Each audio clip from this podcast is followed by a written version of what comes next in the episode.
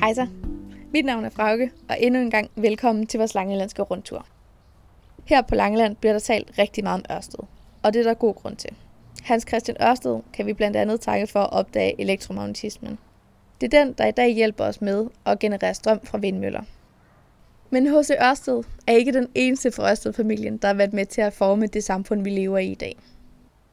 Og det er også derfor, jeg lige nu står i det sydøstlige hjørne af Ørstedsparken.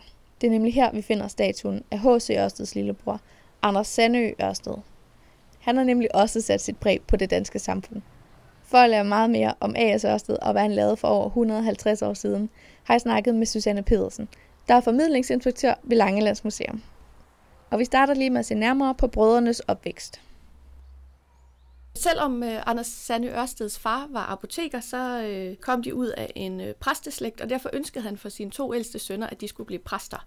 Så derfor var det vigtigt, at de fik en god skolegang, og øh, derfor så ansatte han en øh, perukmager i Rødkøbing til at undervise dem. Det var lidt mærkeligt, at det var en perukmager, der skulle undervise dem, men øh, skolegang var ikke så almindelig på det tidspunkt, og derfor så øh, var det, hvad der var til rådighed i Rødkøbing.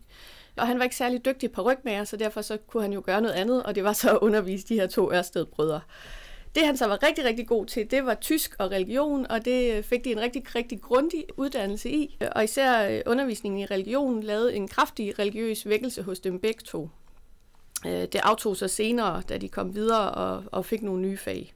I forbindelse med den undervisning, så var det så kun de to fag, han kunne undervise i, og derfor endte det med, at det meste af Rødkøbing nærmest hjalp med at undervise de her to brødre, fordi at de var rigtig øh, kloge og dygtige og kunne lære rigtig hurtigt. Så derfor så lærte byens præster dem at regne, og nogle andre studerende, der var på et højere niveau, de underviste dem også.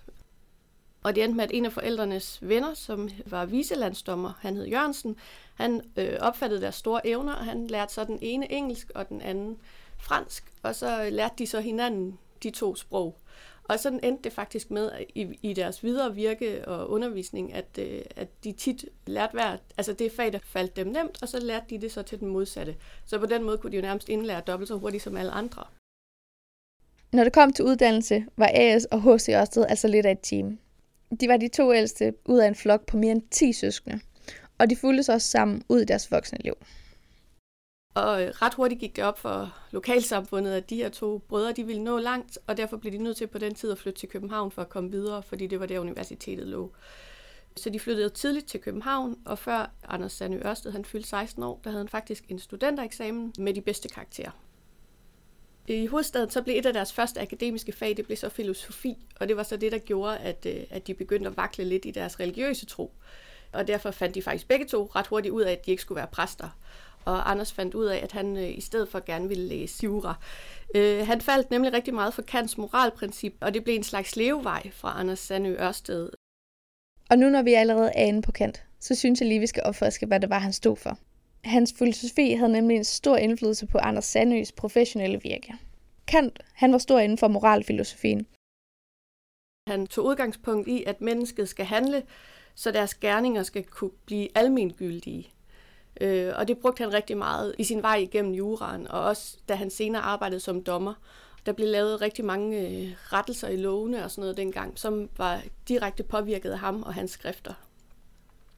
Han gennemgik faktisk hele loven og skrev tillæg til det hele for at få det rettet, så det passede bedre til, til nutiden som var datiden for os, kan man sige, fordi at meget af det vil vi i dag ikke kunne forstå, fordi de straffeformer, de brugte dengang, det kunne være hængning og halshugning og sådan noget. Så på den måde, så de ting, han ændrede det til, vil stadigvæk være noget, vi i dag synes er slemt, men dengang var det en stor revolution. Ørsted endte med at blive højesteretsdommer, og han er faktisk en af vores retsvidenskabs første mænd. Han, han var med til at lave en omfattende bearbejdning af datidens retsforhold. Ørsted var jo med, øh, da 5. juni grundloven skulle underskrives og øh, godkendes, og var med til at udarbejde den. Og han havde rigtig mange ting i den, som han faktisk var imod, så det endte faktisk med, at han stemte imod 5. juni grundloven, men han har dog alligevel haft en rigtig stor indflydelse på den. Det er nemlig den grundlov, som øh, på mange måder i dag gør, at vi alle sammen er meget, meget frie. Men det, man skal huske igen er samtiden, det kom fra, at der var en enevældig konge, så derfor så blev det faktisk til at starte med, hvis man skal sige det på godt dansk, så blev det øh, hvide danske mænd over 30, der fik ret til at sige noget på daværende tidspunkt. Og det var også flot, fordi fra at være kun kongen, så blev det pludselig en stor del af befolkningen, men der var stadigvæk rigtig, rigtig mange, der ikke havde nogen rettigheder. Og man kalder det i dag, så kalder man det syv F'er, som ikke havde nogen rettigheder. Og bare for at nævne nogle af dem, så er det frontimmer, det vil sige, at alle kvinder havde ingen rettigheder. Det var folkehold, det vil sige, at alle folk, der ikke var frie, altså som arbejdede som tjenestefolk, de havde ingen rettigheder. Det var de fattige, det vil sige, hvis du ikke havde penge nok, så havde du ingen rettigheder. Og det var fjolser, så hvis du ikke var kvik nok, så havde du ingen rettigheder, og sådan fortsætter listen. Så på den måde, så, så var det et stort skridt på datiden, men sammenlignet med i dag, så var det stadigvæk lang vej igen. men udover at Anders han var øh, højesteretsdommer, så endte han jo faktisk også med at blive premierminister, og det er det, vi i dag kalder statsminister. Så han var faktisk Danmarks tredje statsminister godt nok stadigvæk under den enevældige regeringsform, så på den måde uden så meget magt, som statsministeren i dag har. Udover at han professionelt har påvirket det samfund, vi har i dag med hans retsviden, har han privat også påvirket Langelands historie. Han har muligvis haft en finger med i spillet i forhold til historien bag Øens Lærsbøg. Ørstedsbrødrene de flytter ind på et kollegium i København, men de kommer ofte hos deres faster øh, inde i København, og hun driver også et pensionat. Og på det pensionat, der bor selveste Adam Øenslær. på det tidspunkt er han jo overhovedet ikke kendt, men de tre bliver rigtig, rigtig hurtigt meget, meget gode venner og ses ofte privat. Adam Ønsler tager brødrene med hjem til deres far, som er fuldmægtig på Frederiksberg Slot, og hjemme hos faren, der bor øh, Adams søster, som hedder Sofie Wilhelmina Bertha Ønslager. Øhm, og øh, det ender så faktisk med, at øh, Anders Sandø han frier til Sofie her, og de to bliver gift. Og Adam Ønslager han skriver i en af sine tekster, at uden at sige mig et ord herom, havde de forlovet sig på egen hånd. Så han var altså ret fornærmet over, at de ikke lige havde taget ham i ed, før de besluttede sig for at, at blive gift. Selvom A.S. Ørsted var en meget kendt mand i sin levetid, var han altså ikke altid lige populær. Hør lige, hvad Susanne fortæller om ham. Anders Sandø Ørsted var jo under et par enevældige konger, men lige på grænsen til, at der blev demokrati i Danmark jo. Så derfor øh, så tog han en gang imellem sig nogle friheder, fordi at i sidste ende var det kongen, der bestemte, men Anders kunne godt finde på at sige ham imod. Og det vil så sige, at han af og til blev kaldt op til reprimande hos den her konge. Blandt andet var der på et tidspunkt et tugthusoprør i, i 1817, hvor fangerne smadrede fængslet simpelthen.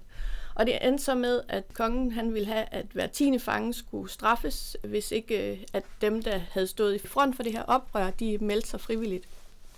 Det endte med, at fordi at Anders han har den her stramme moralfilosofi, så gik han ikke ind for det her kongen sagde, for han synes ikke, det var rimeligt, at ikke skyldige mænd blev straffet, bare fordi at de ikke ville angive, hvem det var, der var skyldige. Og det endte så med, at kongen faktisk blev rigtig, rigtig galt over det. Og selvfølgelig fik kongen sin vilje, fordi han var enevældig, men, men Anders havde sagt, hvad han mente i hvert fald om den sag hvorvidt den langelandske opvækst har haft betydning for det her søsterpars indflydelse på Danmarks historie og det samfund, vi lever i i dag, kan ikke faktuelt konkluderes. Der findes dog nogle gode historier om lige netop det her emne.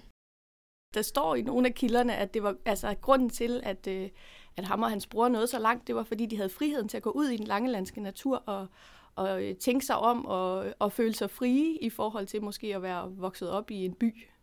Så det kan selvfølgelig godt være, at det har noget med det at gøre. Hermed slutter vi altså også, hvor vi startede med den lange landske opvækst.